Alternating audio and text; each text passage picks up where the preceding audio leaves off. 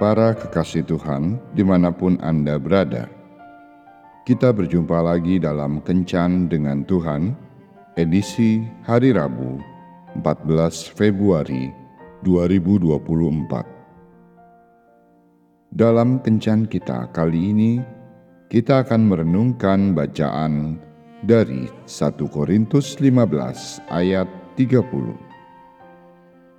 Janganlah kamu sesat. Pergaulan yang buruk merusakkan kebiasaan yang baik. Sahabat kencan dengan Tuhan yang terkasih. Pada suatu hari, seorang tua yang bijaksana berjalan melalui hutan bersama seorang muda yang terkenal tidak bertanggung jawab dan kepala batu. Orang tua itu menghentikan langkahnya, lalu menunjuk sebuah pohon yang masih kecil. "Cabutlah pohon itu," katanya. Segera pemuda itu membungkuk, dan hanya dengan dua jari saja ia dengan mudah dapat mencabut pohon itu. Setelah berjalan lebih jauh lagi, orang tua itu berhenti di depan sebuah pohon yang agak besar. "Coba cabut pohon ini," katanya. Sekali lagi, pemuda itu menuruti perintahnya. Namun, kali ini dia menggunakan kedua tangannya dan dengan sekuat tenaga mencabut akar pohon itu.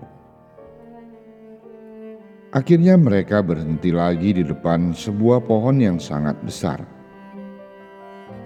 Sekarang cabutlah pohon ini, perintahnya lagi. Wah, itu tidak mungkin, protes si pemuda itu. Aku tidak dapat mencabut pohon sebesar ini. Untuk memindahkannya diperlukan sebuah bulldozer.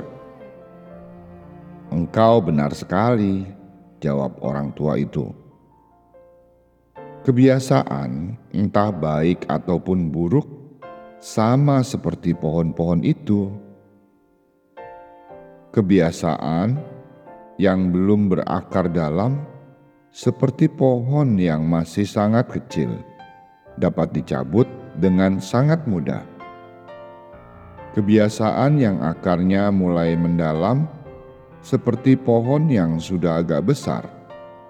Untuk mencabutnya diperlukan usaha dan tenaga yang kuat kebiasaan yang sudah sangat lama dan telah berakar sangat dalam akan sangat sulit mencabutnya. Jagalah dirimu agar kebiasaan yang sedang engkau tanamkan adalah kebiasaan-kebiasaan yang baik.